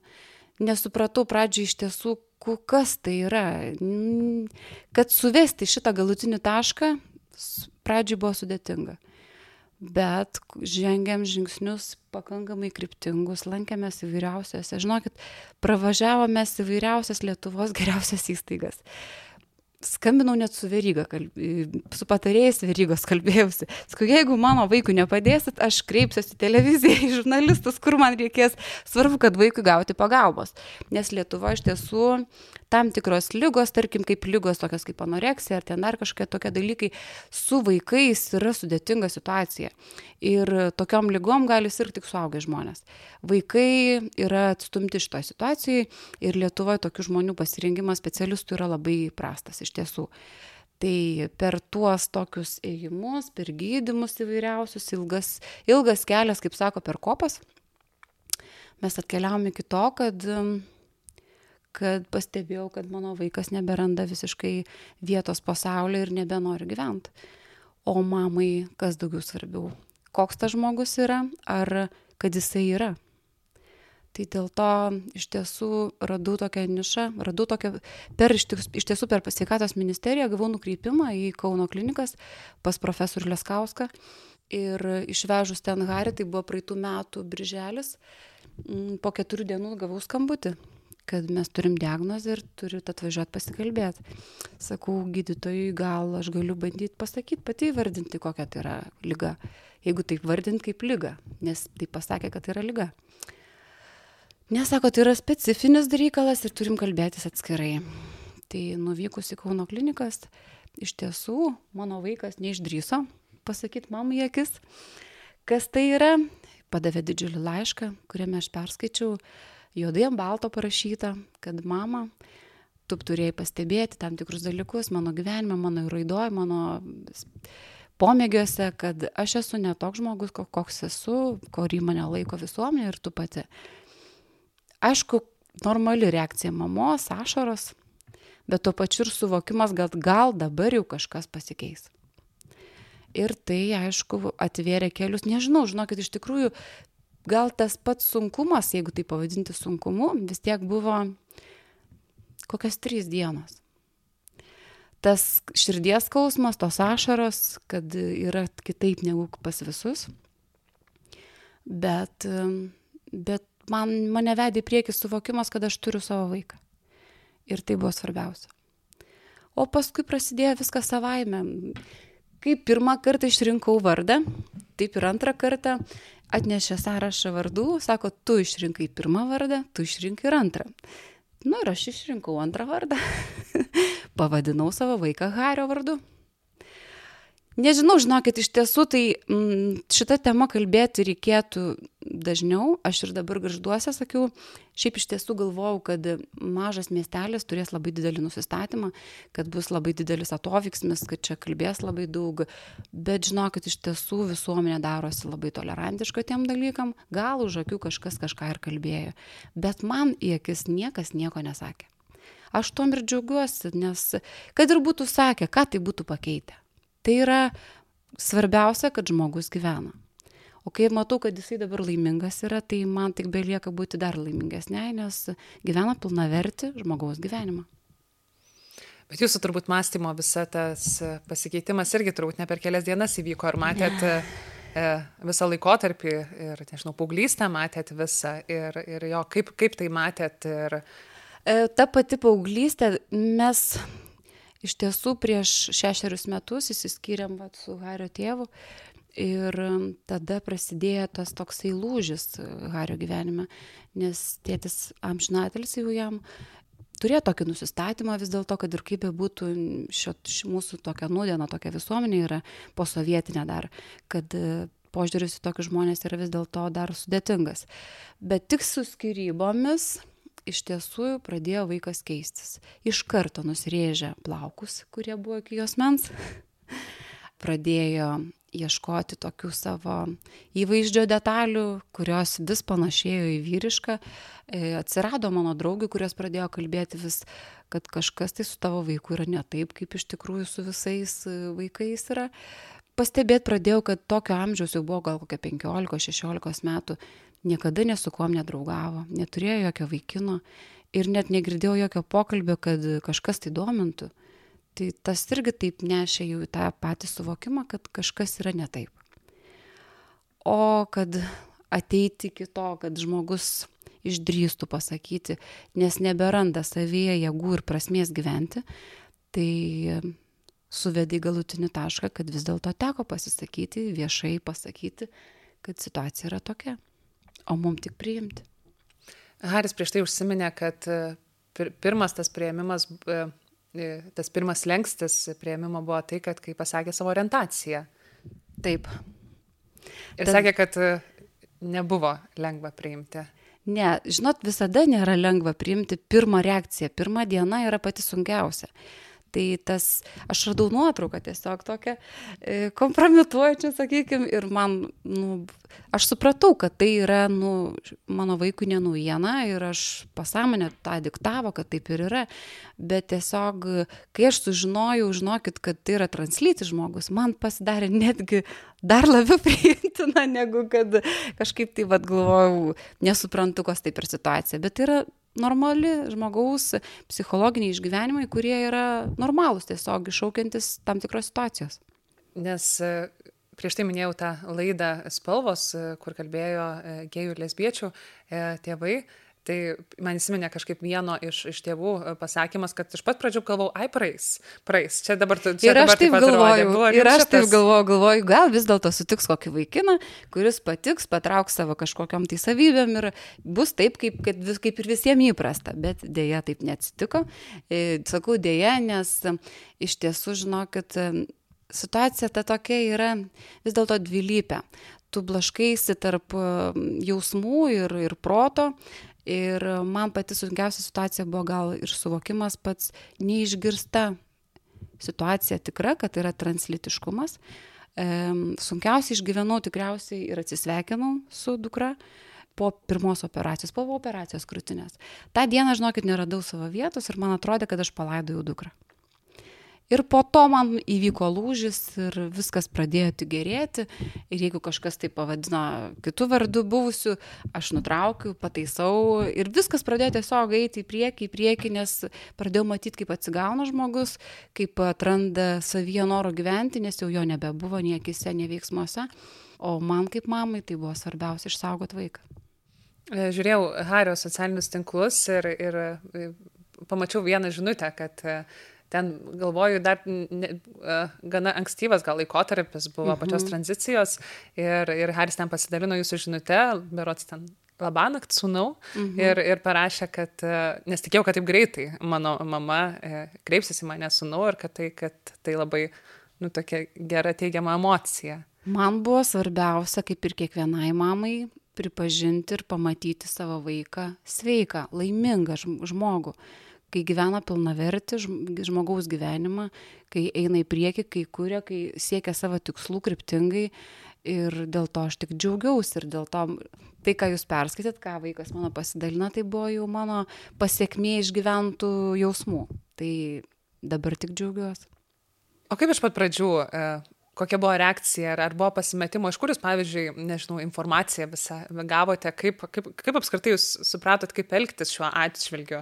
Ar yra kažkokia bendruomenė, pavyzdžiui, galbūt translyčių vaikų tėvų, pavyzdžiui, e, bendruomenė, iš kur, iš kur visa informacija ir kaip elgtis tokioje situacijoje? Aš sakau ir garžduose dažnai labai ir darbė savo kalbų, kadangi tokį visuomeninį kultūrinį darbą dirbu, tai ateis, sakau, diena, jeigu reikės, kad kalbėti, tai manau, kad tikrai ir žinau jau dabar, kad tokių žmonių yra daug. Tik tais dažniausiai jie slepiasi, e, gėda pripažinti tėvam yra, bet mano kalbėjimas, manau, vis dėlto garžduose žmonės pažįsta kaip kultūros atstovė ir mano tas kalbėjimas, aš taip tikiuosi ir manau, kad atlaisvins žmonių suvokimą, kad tai yra normalu, kad tokie žmonės gimsta, tarp kitko aš ir studijavau kažkada tokią, šitą dalyką, e, turėjau tokias paskaitas socialinių nukrypimų ir kai išgirdau, kai dėstytojas pasakė, kad gimsta vienas toks iš tūkstančio vaikų, galvoju, nu jau man tai tikrai nebus taip jau turėjau. ir iš tiesų, va, tik tais tą akimirką, kai sužinojau, aš permaščiau, kad visada gyvenime, kaip jau, nežinau, kaip kas kom tiki, kurėjo ar gamtos e, reikalais, kas žmogų kūrė, bet tai vis dėlto yra stebuklas, o tas stebuklas atneša žmogų. O garžduose sakau, jeigu ateis diena, jeigu reikėtų kalbėti apie tai, galiu kalbėti su tėvais, nuo ko pradėti, ką daryti, kaip pastebėti, kaip sekti savo vaiką, kad tu jį pamatytum, kad kažkas tai yra su vaiku negerai, nes pradėjome ieškoti problemų visai atrodo kaip ir tos užuomasgos, kaip ir atrodytų depresijos, anoreksijos, bet tai yra vis dėlto ieškojimo savęs tokie sudedamosios dalis, kur kol žmogus suranda galutinai save. O tėvai, sakau, iš tiesų jums pasakysiu vieną dalyką, kad nežinau, ar yra tokia tėvų grupė, asociacija ir kažkas tai, kad tėvai kalbėtų šitą temą, e, nesidomėjau netgi, nes esu žmogus, kad viešai galiu kalbėtis, jeigu kas klausia, jeigu kažkam įdomu, bet pasidomėti, ar yra tokia asociacija, tikrai žinokit neteko, nes Neturiu tiesiog tam laiko. LGBTQ žmonių apskritai e, tėvų asociacija yra Vilniui berots. Aš nežinau, ar asociacija, bet yra tikrai bent jau būrelis toksai -hmm. žmonių, kurie, kurie susibūrė ir tiesiog tėvai, kurie, kurie augina LGBTQ -hmm. žmonės. Aš galvoju, ką jums reiškia tas lyties keitimo apskritai momentas ir kad vis tiek turbūt ir jūsų pritarimo Haris norėjo sulaukti ir nedaryti to savo, savavališkai apskritai. Ką jums tai reiškia? Čia tai tas pritarimas ar nepritarimas žmogui buvo jau 18 metų. Įdomiausia tai, kad 18 gimtadienis, 18 gimtadienis su ja rūpjūti, kitą dieną po gimtadienį aš matau žmogų, kurį pažįstu jau žiniasklaidos, kuris supratau, kodėl mūsų kieme. Ir aš vaiką savo pasikvietusi klausiu, sakau, prižadėk man, kad tu nepradėsi jokios hormonų terapijos be medikų leidimo, be medikų priežiūros. Prižadėjo. Tačiau praėjo gal kokias 3-4 dienos ir sako, mama, aš negaliu laužyti tau duoto priesaiko žodžio, bet gal aš vis dėlto galiu pradėti hormonų terapiją, nes aš nebegaliu kitaip. Pradėk, sakiau, tai ta hormonų terapija dabar tik iš tikrųjų pradėjo medikai stebėti, nes kai jau įvyko dokumentų visas pakeitimas, kai jau turi lietuvišką pasą, asmens tapatybės kortelę, vairuotojo pažymėjimą, banko dokumentus, e, Hario vardu, vyrišką lytimi, tai dabar jau medikai gali skirti hormonus, kurie yra kiekvieną, kas ten, kas dvi savaitės leidžiasi juos. O kitu atveju tai yra nelegalu. Ir apskritai, e, visas tas kelias, nuo ko prasideda, kad pirmiausia, tu turi gauti psichiatro e, Taip. diagnozę apskritai. Taip. Ir, ir visas tas momentas, kad, kad tarsi tai kažkaip kaip, kaip tai įvardyjama kaip sutrikimas, apskritai kaip diagnozė. Jo, tai tu, aš manau, kad tai gal, galbūt ir dėl to tas ir, ir visuomenės tas toks yra įsivaizdavimas kažkoks, kad čia kitoks, kad čia kažkas ne taip yra, kad čia ne tai, kad, kad yra kitaip, bet kad yra ne taip toksai suvokimas. Žinote, visuomenė, kol ko nežino, ko nepažįsta, su kuom nesusidarė dėl to ir nes, nėra to suvokimo, to tikroje. Kai mato vaiką mano, kad yra kryptingas žmogus, e, šiaip realiai perfekcionistas, visko, ko imasi, imasi arba geriausiai, arba iš viso ne. E, mokslai, va, gimnaziją baigė vien dešimtukais, be devynetų apie tai jau irgi galim daug ką pasakyti. E, jeigu sportuoti, tai turi būti pirmas, tai iš tiesų žmonės žiūrėdami į tokį žmogų suvokia, kad jis yra normalus žmogus, kryptingai einantis per gyvenimą ir kažkoks tas požiūris gal kažkiek ir keičiasi, aš negaliu pasakyti už kitus, bet galvoju, kad įtakos vis tiek turi tai. Nes ir mokytojų, pažiūrėjau, požiūris, kiek esu girdėjusi, mokytojai labai didžiuojasi, džiaugiasi, giria, stebisi, kad taip kryptingai, su tiek visokiausių būtų išgyvenimų, renkasi savo gyvenimo kelią. Ar buvo atstumimo? Man tikrai ne. Aš pati neiš... nežinau, žinokit, kodėl, nes tikrai tikėjausi. Tikrai tikėjausi, kad bus kažkokios, tai, kažkoks atstumimas iš visuomenės, iš, iš kaimynų, iš giminių, bet ne, nesulaukiau aš tokio. Buvo tam tikrų e, tokių pasikalbėjimų, kad e, gal kažkaip tai bandyk perkalbėti ar dar kažką. Ir kai jūs pasakai žmogui, kad tai yra nesuvokiama, apie ką kalbi, ar supranti, kad tai yra tiesiog žmogaus būtis, kad jis toks gimė, tada nebeklausia tokių klausimų iš tiesų. Netgi pusbrolis mano kunigas, Hario krikšto tėvas, žinot, kaip yra vis dėlto be galo tikinti žmonės, nors ir aš irgi labai tikinti, bet jie vis dėlto turi savo tokį nusistatymą prieš, prieš visus šitos reikalus, bet netgi jisai labai gražiai priėmė ir suvokė tai, kad tai yra toks gimęs žmogus. Tai yra normalu, nes tai yra toks gimęs. Labai Nepasirinko. Gerai. Žmogus nesirenka, žmogus gimsta. Mhm. Labai gerai girdėti, kad, kad jo. Taip šiaip gyvenime tokių teko išgyventi daug tokių visokiausių istorijų. Nu, ne istorijų, savų patyrimų tokių rimtų turiu.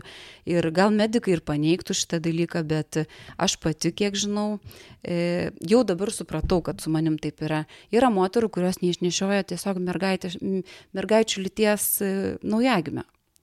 Ir aš įtariu, kad aš viena iš tų, jeigu tikėti tuom, nes buvo keletą persileidimų vėlesniam neštume, e, o ir pastojimo su Hariu.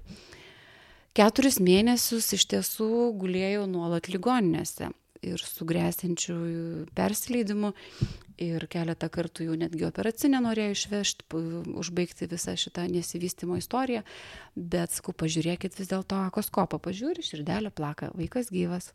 Gimė anksčiau laiko, bet atrodo normalaus svorio, viskas tvarkoja ir ilgai mes neužsibuvom ligoniniai.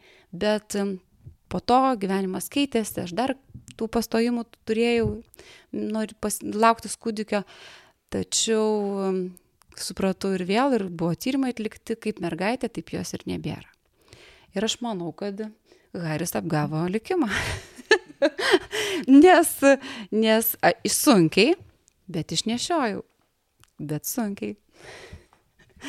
O kaip pati e, matot, kaip pasikeitė e, Haris e, pakeitus lytį ir apskritai, kaip matėt anksčiau ir kaip dabar? Tas pokytis labai greit pradėjo matytis, pradėjus vartoti hormonų terapiją. Visų pirma, fiziniai pasikeitimai, tai yra mutavo balsas labai greit, atsirado įdomu bolys. Kas, kas buvo įdomu, buvo stebėti tą tokią transformaciją, nes niekada nesusidūrusi buvau su šituo man svarbiausia buvo, žinot, įdomiausia buvo ne fizinis pasikeitimas, bet psichologinė būsena. Taip, apie tai labiausiai ir klausiu. E, nes, žinot, kai grįžo iš po krūtinės operacijos ir man buvo keista, mano vyras kartu buvo, mes jau čia kalbamės ir nusivelka savo maikutę be problemų, rodo išoperuotą krūtinę. Nu, kuri moteris ar mergina tai darytų prieš vyrą kitą? Tikrai ne tik vyras gali taip pasielgt. Tai man žinokit, galutinai įrodė, kad tai yra vis dėlto tikrai tik vyras, ne moteris. O kaip pati keitėtės per, per šį laikotarpį, pati matote? Nurimau, nes nebežinojau iš tikrųjų, žinokit, kaip gyventi, ką daryti, kaip išsaugoti savo vaiką. Aš suvokiu, kad tai likė buvo metai vidurinės baigimo ir aš supratau, kad išeis į gyvenimą ir aš nežinau, kiek aš tą vaiką turėsiu, nes visi požymiai rodė, kad vaikas traukėsi iš gyvenimo. Ir atskleista tikroji situacija pakeitė visą mūsų gyvenimą, nes mes buvome įkaitai viso, visos eigos, kaip vystėsi gyvenimas jos, kai buvo dar mergaitė. Sunku buvo iš tiesų. Ir tik tais tas pasikeitimas pakeitė mūsų visų šeimos mikroklimatą, mes atsipalaidavom, suvokiam, kad tai, kas buvo praeitie, jau tikrai daugiau nebegrįž, nurimam ir šiandien mes gyvenam normaliai, turi tris sūnus. o kaip giminės, pavyzdžiui, jūs sureagavo mm, kolegos darbe? E... Kolegos, tai kaip pavyzdys, sėd, sėdime mano kabinete prie didelio stalo, daug žmonių, gal kokie 15 žmonių susirinkimas ir įeina Haris. Ir jie pirmą kartą išvydo jį e, jau po hormonų terapijos, nes ne, niekas dar po vasaros nežinojo. Ir matau, kad žvilgsniai žvalgosi visi vieni kitus ir aš suvokiu, kad aš turiu užkirsti kelią visam šitam tolimesniam pokalbį, analizėm ir apkalbom. Išėjo Haris ir aš visiems pasakiau, kadangi yra, sakau, tokia situacija, aš jumis noriu informuoti visus, kad mano vaikas keičia lytį. Ir sakau, su liktom, kaip ir kalbos turėtų pasibaigti, nes jūs dabar žinot realią situaciją. Ir žinokit viskas, jokių kalbų ir nebebuvo. Gal tarpusavėje ir pasikalbėjo, bet realiai, žinokit, nebeišgirdau nie vieno sakinio. O giminės, nežinau, priemė, kai priemė, nebuvo ten kažkokių tai labai didelių nusistebėjimų, nes matė visi, kaip e, Haris auga, koks yra ir nebuvo kažkokių tai tikrai rimtų pokalbių, prieštaravimo ar dar kažkokių dalykų. Aišku, tai yra nauja. Tai yra visuomeniai dar retas atvejis ir mano vaikas vienas iš tų retenybių. mhm. Šiuo metu visa tokia atrodo gana įtempta situacija visuomenėje. Ir, ir kaip Jūs matot visą, visą situaciją, ar Jums nėra neramu dėl, tarkim, Hario ateities ir kaip priims toliau visuomenė jį? Dėl vaiko savo ateities man nėra neramu. Iš tiesų esu be galo rami. E, nemaniau, kad Lietuvoje yra taip pakankamai nesudėtingai galima pakeisti lyties visus dokumentus, tai yra tą legalizuoti, vadinkim tai oficialiai, nes užtenka realiai medikų išvadų, psichiatro išvadų ir visas procesas pajudėjo labai greit ir labai greit užsibaigė jisai. Aš maniau, kad iš tiesų Lietuvoje yra daug sudėtingiau. O šiai dienai galiu pasakyti, kad nėra taip sudėtinga pakeisti lytį žmogui, kuris to siekia ir taip jaučia. O dėl to, kad jis yra pilnai vyras, tai kokia čia problema gali būti? Viskas, viskas savo eiga, savo gyvenimą gyvens ir tiek. Bet jeigu, nežinau, ten visiškai teisėtai, jeigu žiūrėtume ir apie tai, tarkim, ir hormonų terapija ir visą kitą, šiaip nėra sudarytos sąlygos ir Lietuvoje pilnai pasidaryti ir kad gauti. Ne, šito taip, aš manau, kad tai yra, žinoma, tai yra problema, e, bet, bet aš kaip ir minėjau, žinokit, iš tiesų per daug taip visiškai giliai nesigilinu tai situacija nėra tokia paprasta, e, bet džiaugiuosi tik tuom, kaip mama, kad vaikas gyvena savo gyvenimą, yra legaliai vadinamas vyru, turi savo dokumentus, ta hormonų terapija irgi yra jau vykdoma prižiūrint medikams. Šiai dienai atrodo to ir užtenka, o kaip bus to ateityje neįsivaizduoju. Jeigu, jeigu e, ligonių kasos dengs ir šitos dalykus, kad sutvarkyti viską pilnai iki galo, tada aišku, žinoma, būtų labai gerai, nes Lietuvoje šiai dienai tai yra tokių galimybių nėra. Dažnai visuomeniai kalbama, kad ko čia jie demonstruojasi ir, ir kodėl jie čia kalba, kodėl visas dėmesys jiems. Jūs šiandien kalbat su manim ir atrodo, kad norit kalbėti ir norit apie tai kalbėti. Tai kodėl? Todėl, kad tokių žmonių yra nemažai tiktais tiek kad tai yra ne naujiena visais laikais buvo tiktais tada sovietiniais posovietiniais laikais nekalbėjo visiškai buvo ignoruojama visa šita situacija ir užsieny gal kiek buvo kitaip bet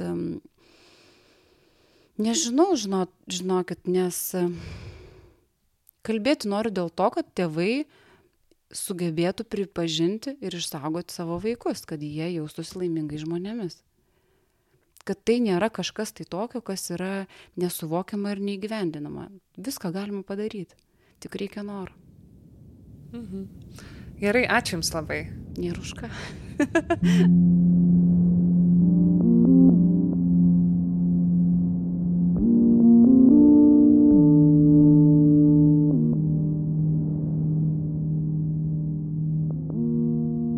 Toks mūsų epizodas šiandien. Ačiū, kad buvote kartu. Su Hariu ir jo mama Vaida kalbėjosi kolegė Indrė Kiršaitė. Garžduose buvome kartu su mūsų fotografė Severina Venskutė. Pamatykite Hario ir jo mamos fotografijas mūsų puslapyje nara.lt, taip pat ir mūsų Instagrame. Epizodo muziką kūrė Martinas Gailius. Jeigu norite palaikyti Nara veiklą, visada tai galite padaryti adresu patreon.com/nara.lt. O šį epizodą iš dalies finansuoja aktyvių piliečių fondas. Ačiū laikraščio Karkšdų banga redakcijai ir jo žurnalistui Robertui Macijui, kuris padėjo atrasti Harį ir jo šeimą. Taip pat dėkojame Juratį Juškaitį iš Lietuvo žmogaus teisų centro už patarimus besigilinant į translyčių žmonių situaciją Lietuvoje. Epizodą kūriau ir redagavau aš, Indrė Kiršaitė. Jei padėjau aš, Karolis Višnauskas. Iki kito karto. Iki.